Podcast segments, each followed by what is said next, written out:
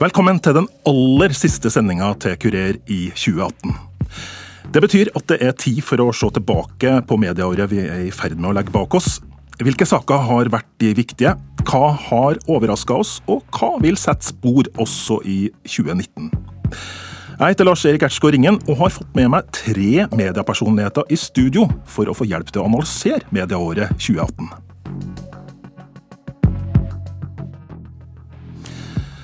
Og De tre vi har eh, fått besøk av i studio, er Elin Floberg Hagge, generalsekretær i Norsk Presseforbund, fersk redaktør i Journalisten, Roger Årli Grøndalen, og Ingeborg Woland, som også fikk seg ny jobb som redaktør i 2018.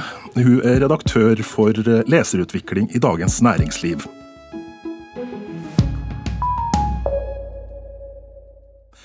Aller først, eh, velkommen til deg, Elin Floberg Hagen. Hvordan syns du medieåret 2018 har vært, egentlig? Det har vært et eh, spennende år. Det har vært et uh, hektisk år, men uh, sånn sett ikke, uvanlig, ikke, et uvanlig år. I den, i den bransjen vi jobber i, hvor det skjer mye hele tiden, på godt og vondt. Hva føler du, Roger Årli Grøndalen? Har det vært et godt eller et dårlig år? Det rommer jo veldig mye det spørsmålet. Det er uh, vanskelig å si om godt eller dårlig, men det har vært laget utrolig mye bra journalistikk i år, og så sliter vi fremdeles med bærekraftige forretningsmodeller. Men uh, jeg heller mot mest bra. Ingeborg, hvordan, uh, hva slags følelse sitter du igjen med? Stort sett veldig god følelse. Det har vært et veldig bra år for norsk journalistikk. Og så syns jeg vi ser en del positive, men utfordrende utviklingstrekk for mediebransjen sett under ett. Så jeg er sånn betinga positiv.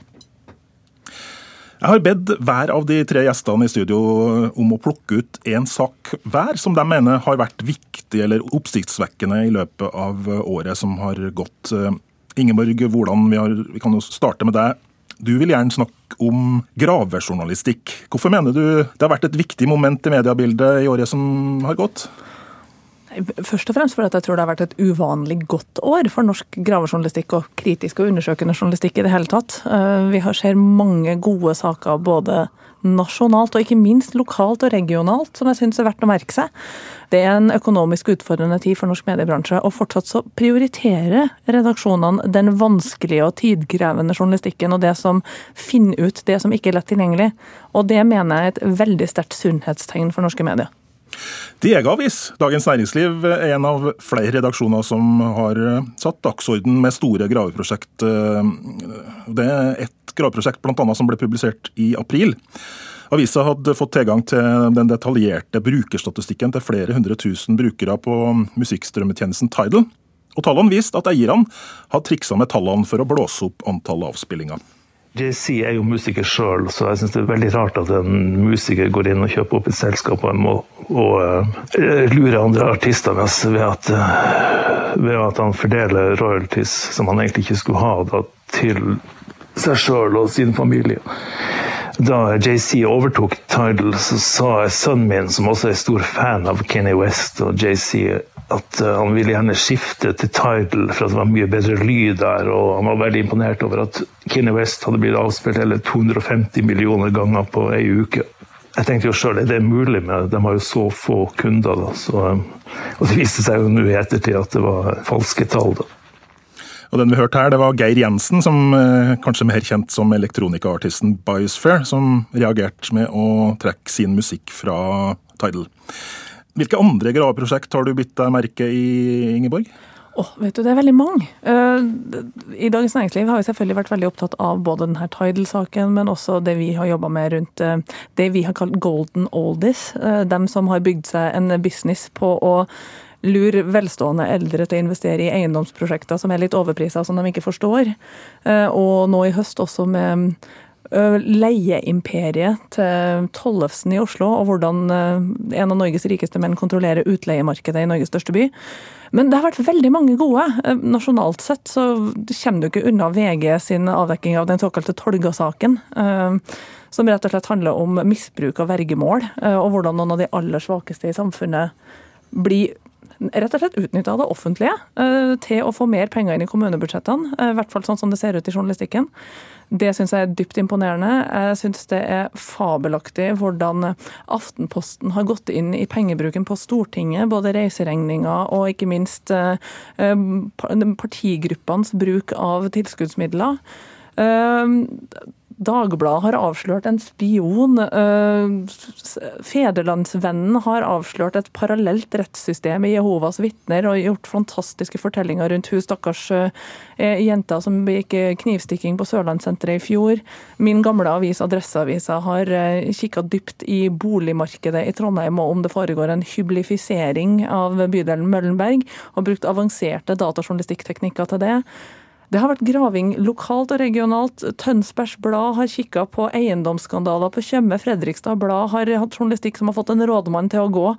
Regionkontorene i NRK har trappa opp dekninga si på gravejournalistikk, eh, bl.a. i NRK Trøndelag, hvor det har vært gjort en fabelaktig jobb med eh, miljøgifter og lakselus. Så generelt sett veldig mye å være imponert over. Det er veldig lett å være enig eh, med Ingeborg i at det lages veldig mye god journalistikk, og også veldig mange gode graveprosjekter. Og mitt inntrykk er også at mange norske redaksjoner har økt satsingen sin på gravejournalistikk de, de siste årene.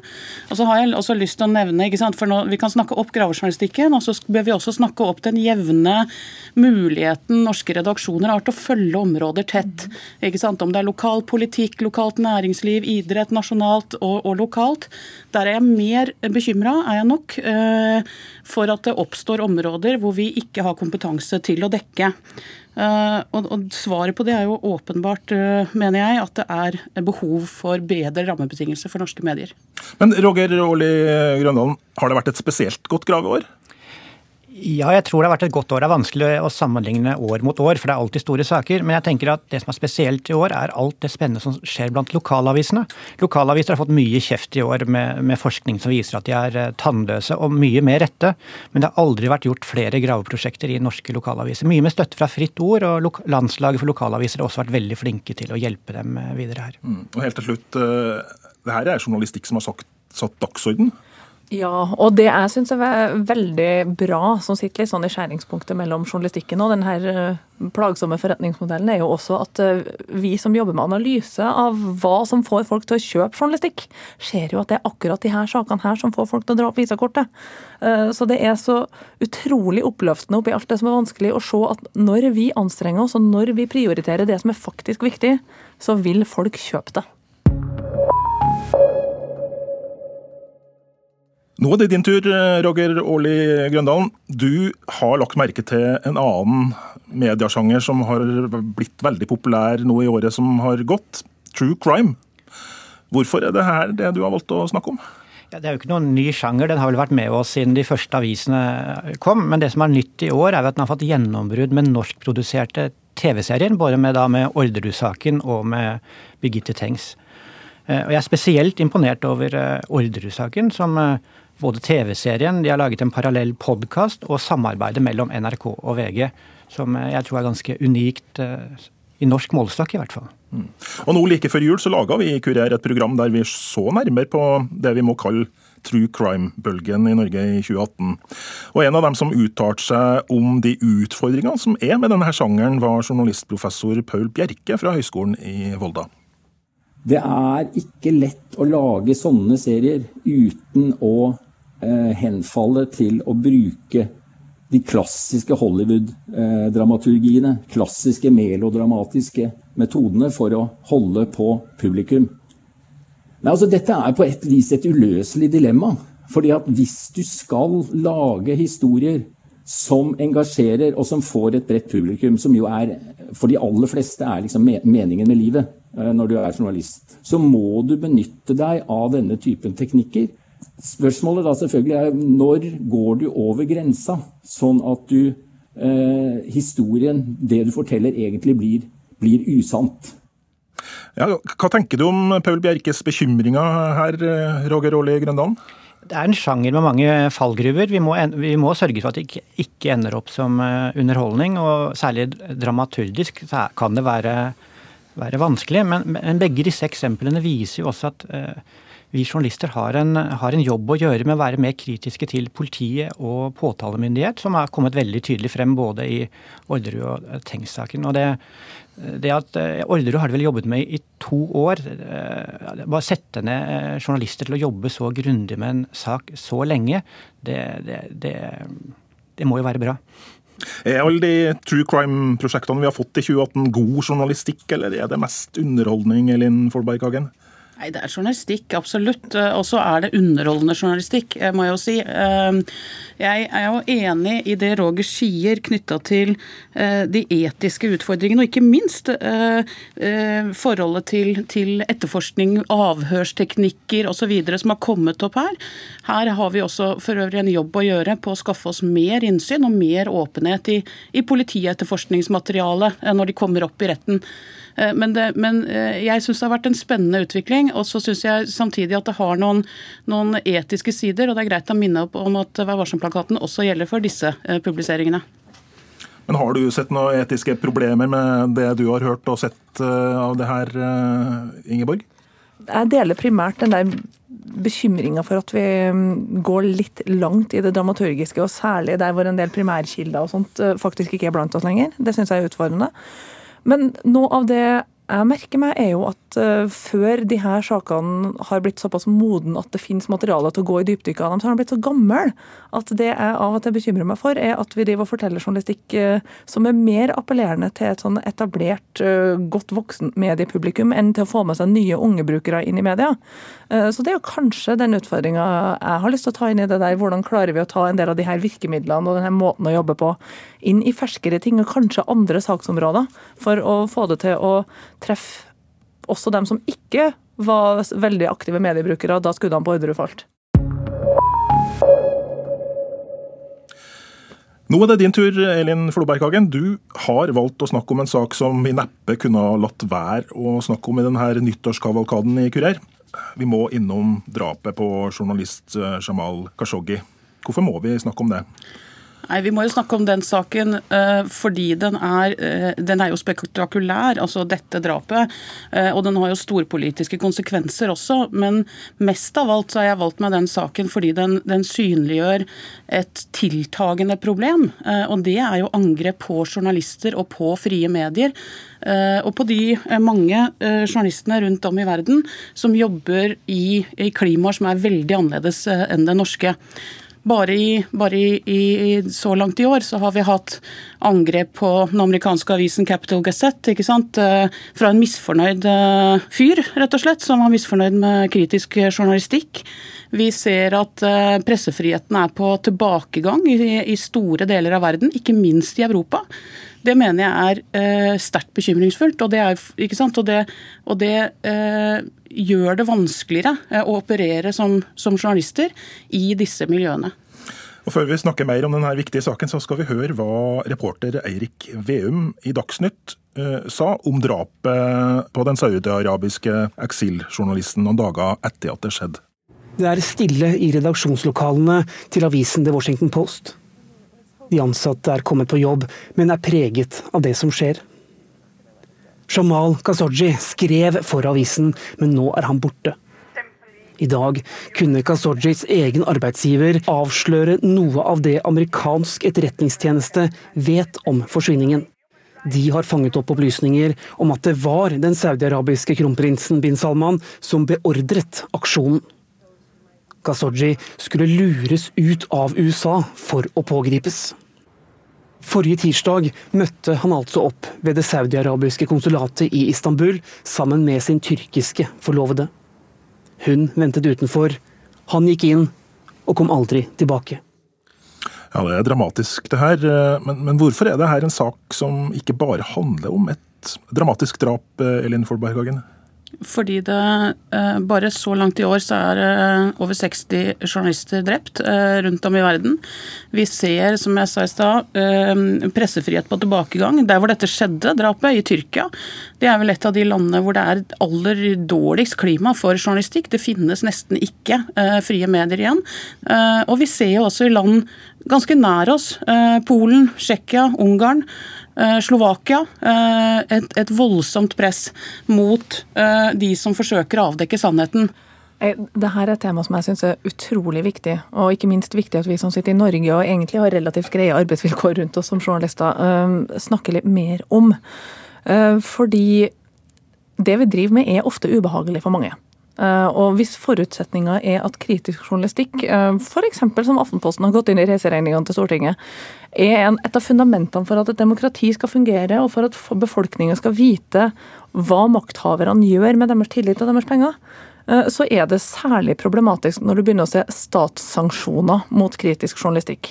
Eh, som Kashoggi-drapet er et eksempel på, som Elin nevnte Tyrkia. Og også lyst til å trekke fram det som skjer på Filippinene, hvor um, apparatet rundt president Duterte trekker fram skatteunndragelser som grunnlag for å gå etter nettstedet Rappler, som har drevet kritisk journalistikk på Duterte-regimet. Det her er et eksempel på at balansen i styringssystemet detter sammen. Eh, og for oss som er i dette yrket fordi vi mener at den balansen er viktig, så er det her skremmende. Men Roger Ole Grøndalen, er det bra at vi har så voldsomt fokus på denne ene saken, eh, og kanskje ikke så mye på alle de andre journalisttrappa som har vært i løpet av det året her? Vanskelig å si. Den saken er veldig spesiell. Han jobbet for en amerikansk avis. Eh, måten ble gjort på, og at Tyrkias president ble så sint, det har jo løfta den saken her veldig. Men jeg ser jo at veldig spektakulære drap i andre land, f.eks. Russland. Det har jo ikke forandret veldig mye på arbeidsforholdene til journalister der, så jeg er veldig usikker på om dette kommer til å gi store endringer. I hvert fall på kort sikt. Jeg, jeg, tror jo uh, man bør snakke mer om dette. Uh, og man bør snakke mer om det som Reportere uten grenser har vist til som er den største trenden. Og det handler om hatprat fra politiske ledere mot frie medier. Uh, og men, men, så er jeg jo opptatt av at svaret oss, vårt og til mediene rundt om må jo være å lage enda bedre journalistikk, enda viktigere journalistikk, være enda mer nøyaktig, enda mer etiske, enda mer åpne eh, om våre arbeidsmetoder og hvordan vi kommer fram til eh, det vi publiserer. Og så syns jeg det spiller litt tilbake på det Elin sa i om hvor viktig det er med journalistisk tilstedeværelse i små og store samfunn rundt omkring. Fordi at det foregår ganske mye forskning, både nasjonalt i Norge og internasjonalt, på hva det er som skaper tillit eller mistillit til journalistikk. Eh, og en viktig faktor er jo når man kan avskrive media som en sånn ansiktsløs masse. Du har aldri møtt en journalist, du har aldri opplevd hvordan man eh, kommer på besøk til den lokale basaren eller dekker idrettslagets turnering. Ehm, en av grunnene til at vi nyter nokså stor legitimitet i Norge, vil jeg si er den gode lokalavis- og lokalmediefloraen vår. fordi de fleste kjenner faktisk en journalist. Ehm, og så må vi jobbe mer med å være åpne om at vi er mennesker som driver dette yrket, og hva slags regler som styrer det vi gjør. Sånn at det ikke blir like lett å avskrive og demonisere som en ansiktsløs institusjon som media kan bli. Til slutt i Kurers tilbakebrikk på medieåret 2018, så, så har også programlederkollega Kristin Norvoll Mork plukka ut et tema. Og årets medianyord er vel uten tvil influenser. I februar så laga Kurer et program om influensernes økte innflytelse, hvor vi bl.a. hilste på årets influenser i klassen livsstil i Vixen Influencer Awards, Kristin Gjelsvik.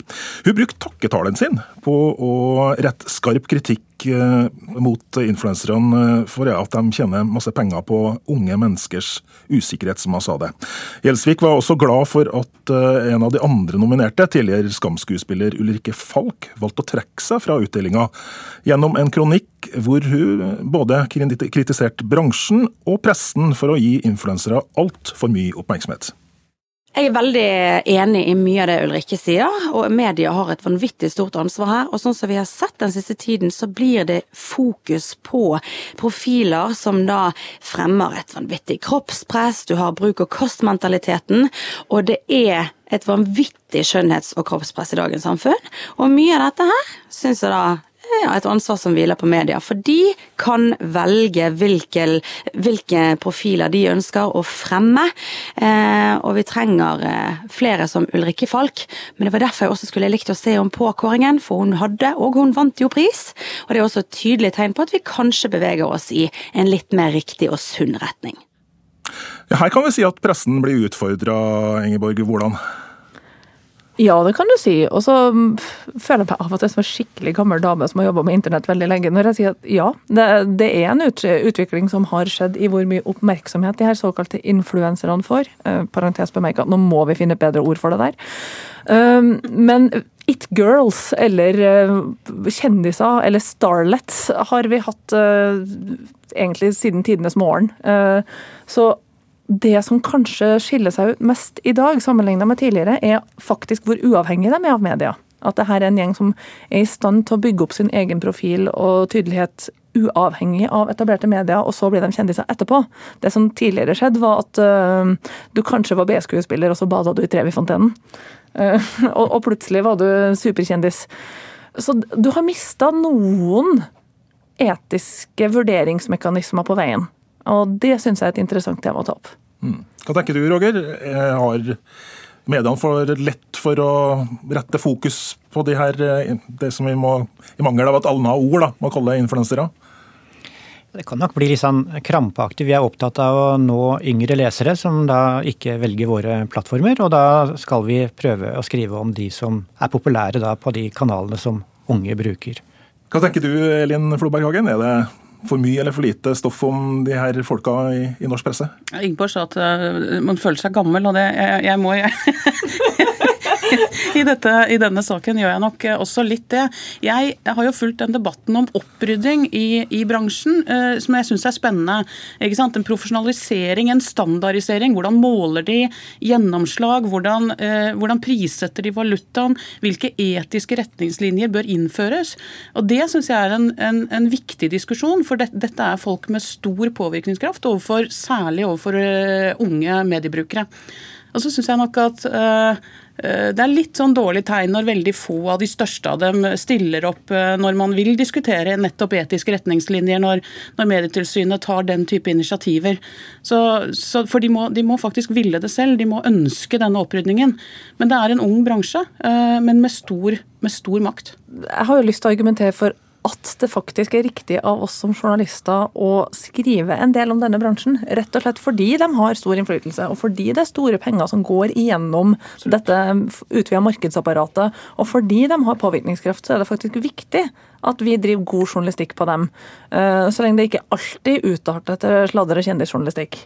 Uh, og, så tror jeg, som Elin sier, at det har oppstått noen nye gråsoner med den sjølpubliserte medievirkeligheten på internett. Enten det er podkastere eller såkalte Instagram-influensere eller bloggere eller hva det måtte være, uh, så er det noen nye gråsoner hvor det ikke fins en ansvarlig utgiver.